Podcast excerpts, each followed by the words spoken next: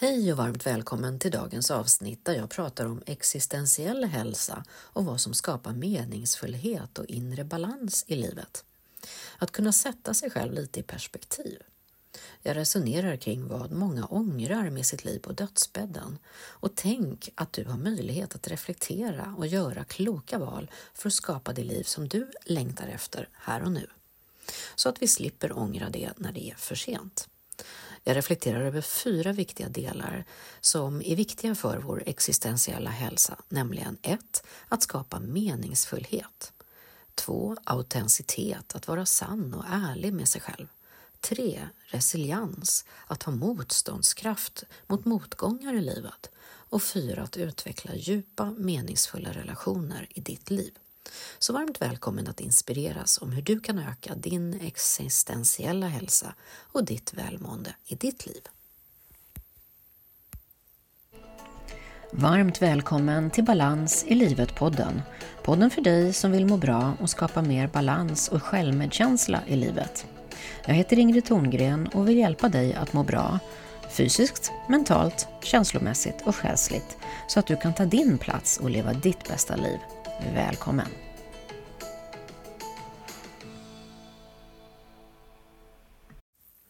Hej och varmt välkommen till dagens avsnitt. Idag ska vi fördjupa oss i ämnet existentiell hälsa. Kanske lite svårt begrepp, men vi kommer att utforska olika sätt att skapa mer meningsfullhet och inre balans i livet. Jag har blivit inspirerad av ett antal artiklar som jag läst i tidningen på sistone och som har tagit upp frågan om hur vi kan sätta oss själva lite i perspektiv, vilket kan hjälpa oss att må bättre. Att det inte alltid handlar om att maximera den egna lyckan utan istället få perspektiv på varför jag är här och vad jag vill bidra med. Det handlar om att flytta fokus från oss själva till någonting större, vilket kan hjälpa oss att må bättre psykiskt. Vad vill jag? Vad är meningsfullt? Och vart är jag på väg? Ofta kan de här frågorna dyka upp och bli extra tydliga när vi är med om stora förändringar i livet. Det kanske kan vara när vi får en svår sjukdom, när någon anhörig dör, när vi blir av med jobbet, vi separerar, barnen flyttar hemifrån eller någon annan stor förändring. Helt plötsligt så börjar vi att fundera över vårt liv på ett nytt sätt. Vad vill jag egentligen och vad är faktiskt viktigt för mig? Och det kan bli extra tydligt på dödsbädden när man börjar fundera på vad man kanske ångrade i sitt liv. Jag läste om författaren Bronnie Ware. Hon jobbade i åtta år på en palliativ avdelning där hon vårdade människor i livets slutskede. Och hennes otaliga timmar med människor på dödsbädden resulterade i boken The Top Five Regrets of the Dying i vilken man kan läsa vad folk ångrade mest när de summerade sina liv. Och listan såg ut så här. 1. Jag önskar jag hade haft modet att leva enligt mina drömmar och inte utifrån andras förväntningar. 2. Jag önskar att jag inte hade jobbat så mycket. 3. Jag önskar att jag haft modet att uttrycka mina känslor. 4. Jag önskar jag hade hållit kontakten bättre med mina vänner och nära. 5. Jag önskar jag hade unnat mig att vara lyckligare. Och jag tänker att de här fem sakerna har mycket gemensamt med existentiella frågor som jag vill prata om idag. Jag tänker att den här existentiella hälsan handlar om att förstå och acceptera vår egen existens, våra värderingar och vad som ger mening åt vårt liv. Det är en resa inåt, en resa som vi alla gör på olika sätt och i olika takt och vid olika tidpunkter i livet. Men det är en viktig resa, tänker jag, för att skapa djup och mål och mening i vårt liv. Så jag vill inspirera dig att reflektera över följande frågor. Det är fyra olika områden som är viktiga för att utveckla din existentiella hälsa. Nämligen 1. Meningsfullhet. Vad ger mitt liv mål och mening? 2. Resiliens, eller att ha motståndskraft när livet är svårt och utmanande. 3. Autenticitet, att vara sann mot mig själv och leva mitt liv på mitt sätt. Och 4. Relationer. Hur kan jag utveckla nära, djupa relationer som ger mitt liv fördjupning? Så det första är då att utforska ordet meningsfullhet. Vad betyder det och hur kan jag utveckla det? Ja, ordet meningsfullhet refererar ju till en känsla av djup mening i ens liv, där ens handlingar, relationer och övergripande existens upplevs som värdefulla. Att sträva efter meningsfullhet är ju en grundläggande aspekt av den mänskliga upplevelsen och kopplat ofta samman med att förstå och definiera sitt livsmål, sina värderingar och sitt syfte. Och här är några olika sätt som du kan utforska det här med meningsfullhet för dig. Det första är självreflektion. Att ta dig tid att reflektera över dina värderingar, önskningar och vad som är viktigt för dig i ditt liv. Att förstå dig själv och dina prioriteringar är en viktig grund för att skapa meningsfullhet. För det andra, det här med att ha tydliga mål och syften med livet. Att utveckla det. Det kan vara personliga mål eller professionella eller andliga mål. Någonting som ger en riktning och en mening till dina dagliga aktiviteter. Att de stödjer ditt mål, ditt syfte. För det tredje, att göra någonting som du älskar. Att vara engagerad i aktiviteter och sysslor som du älskar och som ger dig glädje. För när vi gör någonting som vi tycker om så är sannolikheten att vi upplever meningsfullhet eh, större. För det fjärde kan det vara att skapa och upprätthålla meningsfulla relationer. För djupa och meningsfulla relationer kan vara en källa till stor meningsfullhet. Så att investera tid och energi i dina relationer och skapa meningsfulla kopplingar med andra människor. Det handlar ju också kanske om att välja bort vissa relationer som inte ger meningsfulla, meningsfullhet och glädje. För det femte, bidra till något större än dig själv. Att känna att du bidrar till något större än dig själv kan skapa en stark känsla av meningsfullhet. Det kan vara genom volontärarbete eller att hjälpa andra eller att engagera dig i samhällsfrågor. För det sjätte, att uppskatta nuet. Att lära dig att vara närvarande och uppskatta det nuvarande ögonblicket. Att vara medveten om att njuta av nuet, det kan förstärka din känsla av meningsfullhet och lycka här och nu. För det sjunde, att utmana dig själv. Att sätta upp utmaningar och sträva efter personlig tillväxt och utveckling. Kanske att övervinna hinder och rädslor för att växa som person och att bidra till en ökad känsla av meningsfullhet. Att gå utanför din komfortzon och våga prova något nytt fastän du kanske är rädd och osäker. Och den åttonde punkten är att reflektera över dödligheten. Många filosofiska och andliga traditioner betonar just den här vikten av att reflektera över dödligheten. Att vara medveten om den begränsade tid som vi faktiskt har här på jorden. Det kan ju hjälpa oss att prioritera det som är viktigt och meningsfullt. Så meningsfullhet är ju en personlig och subjektiv upplevelse, så det finns ju olika aspekter att eh, reflektera kring för att skapa det som är meningsfullt för just dig. Och det kan ju vara en pågående resa under livet, så det är helt normalt att omvärdera också vad som känns meningsfullt över tid. Den andra punkten som jag tänkte reflektera lite kring det är det här med resiliens eller motståndskraft på svenska.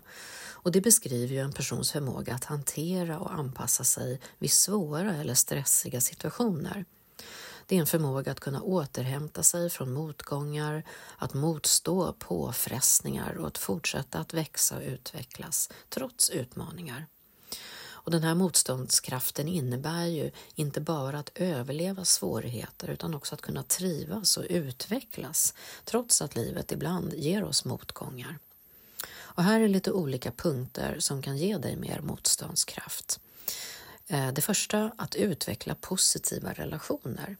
För det här med starka sociala band och stödjande relationer är en väldigt viktig faktor för att eh, utveckla sin motståndskraft. Att bygga upp och upprätthålla goda relationer med vänner och familj och kollegor behöver inte vara jättemånga utan det viktiga är egentligen att ha några få kanske men väldigt nära vänner eller familjemedlemmar eller kollegor vad det nu är. Och att utveckla din självkännedom. Att förstå dina egna styrkor och svagheter och vara medveten om dina känslor och reaktioner på svårigheter. Självkännedom kan hjälpa dig att bättre hantera stress och motgångar. Och det här med att kunna disidentifiera sig från sina tankar och känslor. Att stå lite grann utanför och tänka okej, okay, nu kom den här tanken, jag har den här tanken eller jag har den här känslan och betrakta dem i lugn och ro och därefter välja vad du ska göra med dem. Och sedan att utveckla din problemlösningsförmåga. Att fokusera på lösningar snarare än problem. Jätteviktigt tycker jag. Att utmana dig själv att hitta konstruktiva sätt att tackla och återvinna svår, övervinna svårigheter. Jag brukar själv fråga mig varje gång som det uppstår ett problem, hur löser vi det här? Att helt enkelt vara lösningsorienterad, det är så mycket roligare och mer utvecklande än att borra ner sig i problemet. Det ger ju bara en massa negativ energi och ingen utveckling. Att förvänta dig förändringar också, att vara medveten om att förändring är en del av livet, så är det för oss alla. Och ju mer vi är beredda på förändringar, desto bättre kommer du att kunna anpassa dig till dem när de inträffar. Livet går ju som sagt upp och ner och hit och dit, så är det för oss alla. Så att vara öppen för förändringar, det hjälper oss också att kunna hantera det när det sker. Sen har vi det vanliga, att sköta om dig själv såklart. Att ha en god fysik och psykisk hälsa hjälper oss att behålla lugnet och må bra. Så det är som vanligt, som jag alltid brukar prata om, regelbunden motion, ha en balanserad kost, återhämtning och vila stärker din motståndskraft. Att ta hand om alla dina olika delar, både kroppen, själen, tankarna och känslorna. Och sedan har vi det här med att utveckla flexibilitet, att vara öppen för förändringar och vara beredd att anpassa ditt synsätt och dina metoder när det behövs. När vi kommer ifrån vår vänstra hjärnhalva till vår högra hjärnhalva så är det mycket lättare att vara öppen, nyfiken och positiv. Att hantera det som är just nu och inte fastna i en massa negativa tankar. Och vi kan också lära oss av våra motgångar. Att vi ser att motgångar som möjligheter till lärande och tillväxt. Jag tänker att det ofta är via motgångarna som vi lär oss mest, inte på framgångarna. Så reflektera över dina erfarenheter och identifiera olika sätt att växa och utvecklas i dig själv. För när vi fokuserar på det positiva, även i svåra situationer, så har vi en optimistisk syn och det hjälper oss att se möjligheter och lösningar. Så det här med resiliens eller att hitta sin egen inre motståndskraft är en färdighet som kan utvecklas och förbättras över tid genom medveten reflektion och genom övning och träning såklart. Men genom att ta de där små stegen varje dag så kan du stärka din motståndskraft och då är det lättare att hantera livets utmaningar när de sker. Den tredje punkten som jag vill reflektera över är det här med vad är autenticitet och hur kan jag utveckla det? Autenticitet handlar ju om att vara sann mot mig själv och att uttrycka mina känslor, värderingar och åsikter på ett äkta sätt. Det innebär att jag agerar i överensstämmelse med mitt inre, att jag är ärlig och transparent i mina relationer och i mina handlingar, att det jag gör stämmer överens med den jag är. Att vara autentisk betyder också att inte anpassa sig för mycket efter andras förväntningar utan att våga följa sina egna övertygelser och att vara lojal med sina egna värderingar. Apropå vad många ångrade på dödsbädden, att inte våga följa sina egna drömmar utan ha levt andras förväntningar. Och här är några olika punkter som du kan reflektera över hur du kan utveckla din autenticitet för att bli mer sann. Det första är som vanligt självreflektion, som jag alltid rekommenderar. Att ta dig tid att reflektera över vem du är, vad du värdesätter, vad som är viktigt för dig. För ju bättre du förstår dig själv, desto lättare är det att vara autentisk och sann. För det andra, identifiera dina värderingar. Att klargöra dina kärnvärderingar. För då är det mycket lättare att leva i enlighet med det som är sant för dig och är konsekvent i ditt beteende. För det tredje, var medveten om dina känslor. Att vara öppen och medveten om dina egna känslor och att uttrycka dem på ett ärligt sätt. För att ignorera eller förneka dina känslor det kan ju leda till en känsla av inre disharmoni, att du bara trycker ner det och inte vågar tala om det. Och det här var ju också någonting som många ångrade på dödsbädden, att de inte hade talat om vad de kände till andra. Så viktigt för att vara sann och bli tydlig med vad du själv känner, vill och behöver och våga berätta det här för andra. Sedan har vi att vara öppen för sårbarhet. Det handlar ju också om att vara autentisk, att visa sin sårbarhet och sina känslor och tankar. Och att vara sårbar är ju också att stärka och fördjupa dina relationer och skapa en större empatisk förståelse med andra. Kanske behöver vi ibland be om hjälp och berätta att vi har det svårt. Sedan har vi det här med att sätta gränser. Det handlar ju också om att våga vara tydlig med sina egna gränser, att lära sig att säga nej när det behövs. Och att respektera och följa dina egna gränser är en viktig del av autenticitet. Att först bli medveten om vad du vill och inte vill och sedan våga säga nej till det som inte gagnar dig så att du kan säga ja till det du längtar efter och behöver. Väldigt viktigt för att leva sant och meningsfullt.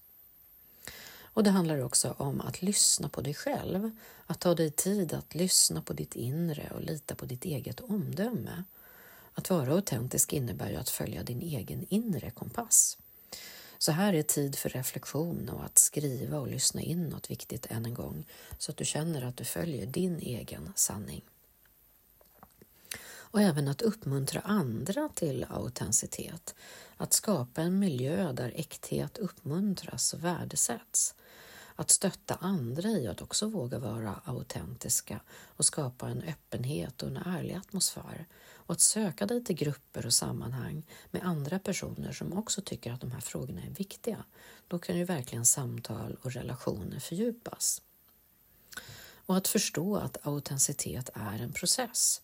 Att vara autentisk är ju en kontinuerlig process av självutforskning och personlig tillväxt och utveckling.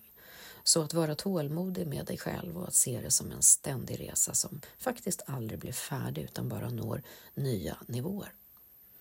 Så att vara autentisk och sann kan bidra till en känsla av inre frid och välbefinnande och det kan också skapa starkare och mer meningsfulla relationer. Utveckling av autenticitet handlar om att bygga och upprätthålla en genuin och ärlig relation med dig själv och därefter med andra. Och sedan det fjärde och sista området som jag vill prata om idag, det är ju det här med hur vi kan utveckla relationer för att må bättre existentiellt. Ja, att utveckla meningsfulla relationer är ju en jätteviktig faktor för att förbättra den existentiella hälsan och öka vårt övergripande välbefinnande. Även en viktig punkt många reflekterade över på dödsbädden. Varför höll jag inte kontakten med mina vänner? Vi kanske tror att vi klarar oss själva, men i slutändan så är det våra nära relationer vi saknar och kan ångra att vi valde bort. Så en viktig fråga är att reflektera kring det här nu, tänker jag. Här är ju några tankar om hur du kan stärka dina relationer och främja en känsla av mer meningsfullhet. Det första är att förstå dig själv. För innan du kan skapa meningsfulla relationer med andra är det viktigt att förstå dig själv det här vi har pratat om, att reflektera över dina värderingar, dina behov och dina mål i livet. För ju bättre du känner dig själv, desto mer autentisk och sann kan du också engagera dig i relationer med andra. Så att du inte tappar bort dig själv och bara följer med i vad alla andra, alla andra tycker och tänker. Utan att du vet vem du är, vad du vill och vad du behöver. Det är än en gång kärnan i det personliga utvecklingsarbetet. Så viktigt. Det andra är att vara närvarande. Jag skulle vilja säga att närvaro är nyckeln till meningsfulla relationer. Att avsätta tid att vara helt och fullt närvarande när du är tillsammans med andra. Och för mig betyder det att lyssna aktivt, att ge ditt fulla fokus åt den som du pratar med. Att inte vara den som pratar mest eller tar över samtalet, utan faktiskt att lyssna väldigt uppmärksamt och vara öppen och nyfiken, kanske ställa frågor Undvik att ge råd och tips om den personen du pratar med inte specifikt har bett om det, utan bara vara närvarande i nuet. Sedan har vi det här med djupgående samtal och det handlar ju om att engagera dig i samtal där du också kan dela med dig av dina tankar och känslor och livsreflektioner.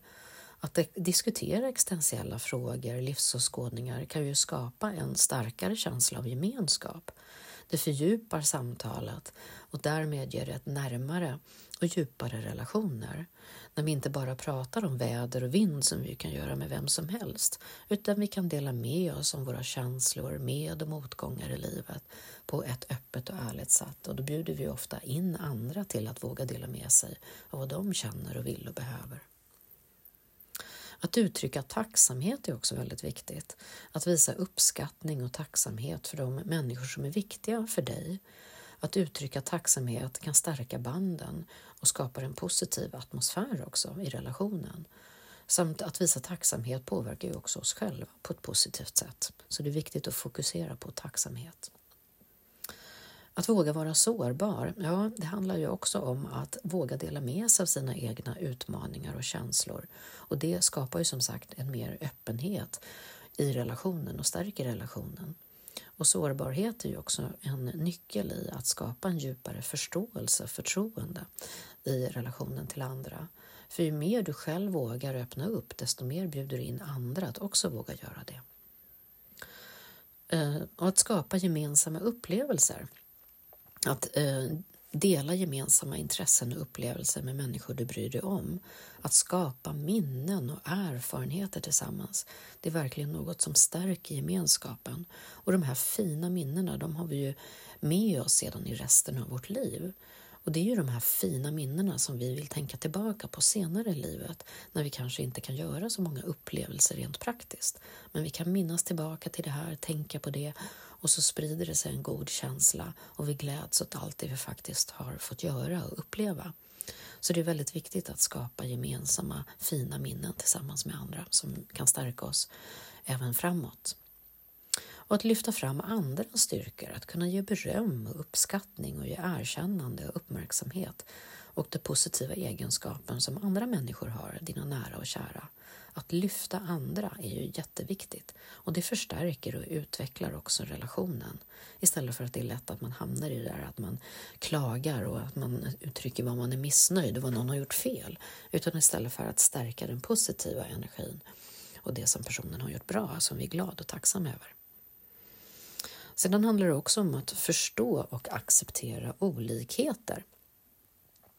Att vara öppen för att vi människor faktiskt är olika och vi har olika perspektiv på saker och ting. Att förstå och acceptera olikheter bidrar till att undvika konflikter och skapa en miljö av ömsesidig respekt. Det finns ju nämligen ingen objektiv sanning, tänker jag, utan vi har alla vår subjektiva uppfattningar om det som sker. Och det får vi på något sätt respektera och acceptera. Då är det mycket lättare att skapa bra relationer med andra. Att vi kan tänka att vi kan faktiskt ha olika åsikter om det som sker och det är helt okej. Att kunna sätta gränser och kunna kommunicera tydligt är också viktigt för att utveckla relationer. Ehm, det är viktigt att kunna sätta sunda gränser för sig själv och kommunicera sina behov och förväntningar. Det här vet jag är något som många tycker är svårt. Men tänk på att varje gång du säger ja till något så säger du nej till något annat. Vi har ju en begränsad tid här. Så säg inte ja om du inte verkligen vill det.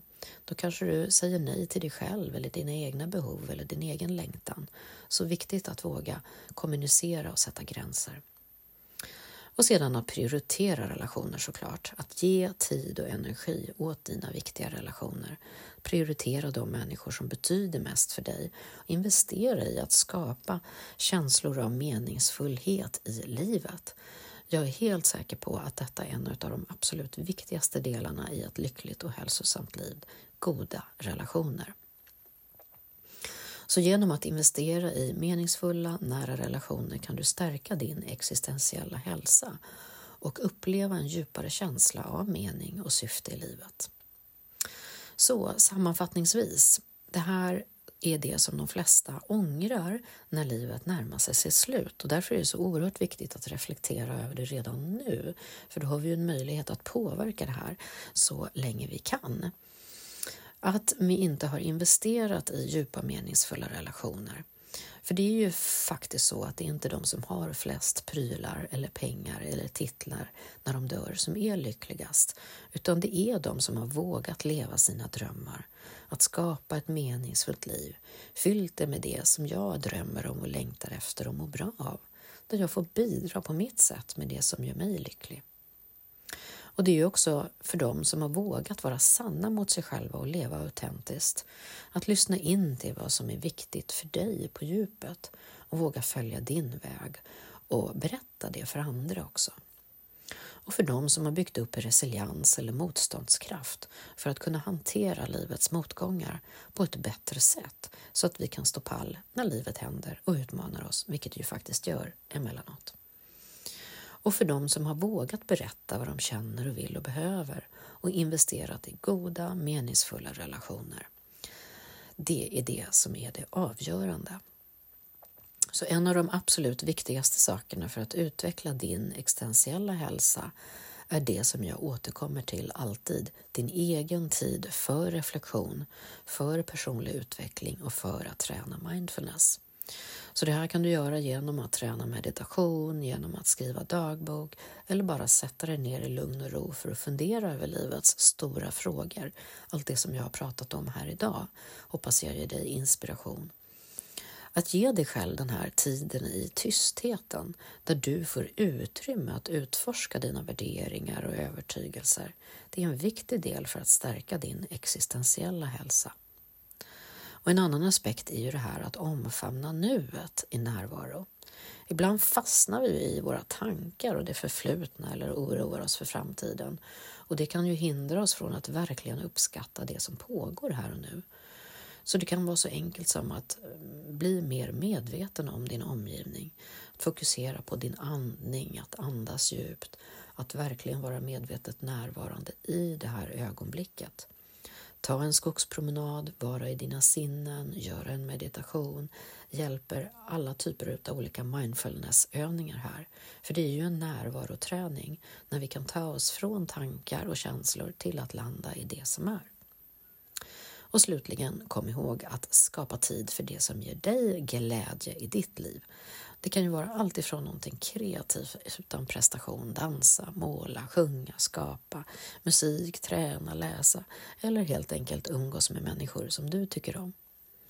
Så att integrera alla de här aktiviteterna som en viktig del i ditt liv är kraftfullt för den existentiella hälsan. Så oavsett var du befinner dig i din resa mot inre balans och att utveckla din existentiella hälsa, så kom ihåg att det är en ständig process. Den tar aldrig slut, den fortsätter bara och du når nya nivåer ständigt. Så lycka till nu och ta hand om dig själv och din bästa vän, dig själv. Hej så länge! Stort tack än en gång för att du lyssnar på Balans i livet-podden. Jag är så glad och tacksam för att du är här. Fortfarande finns det en möjlighet att vara med på mitt miniretreat den 2 december i Stockholm.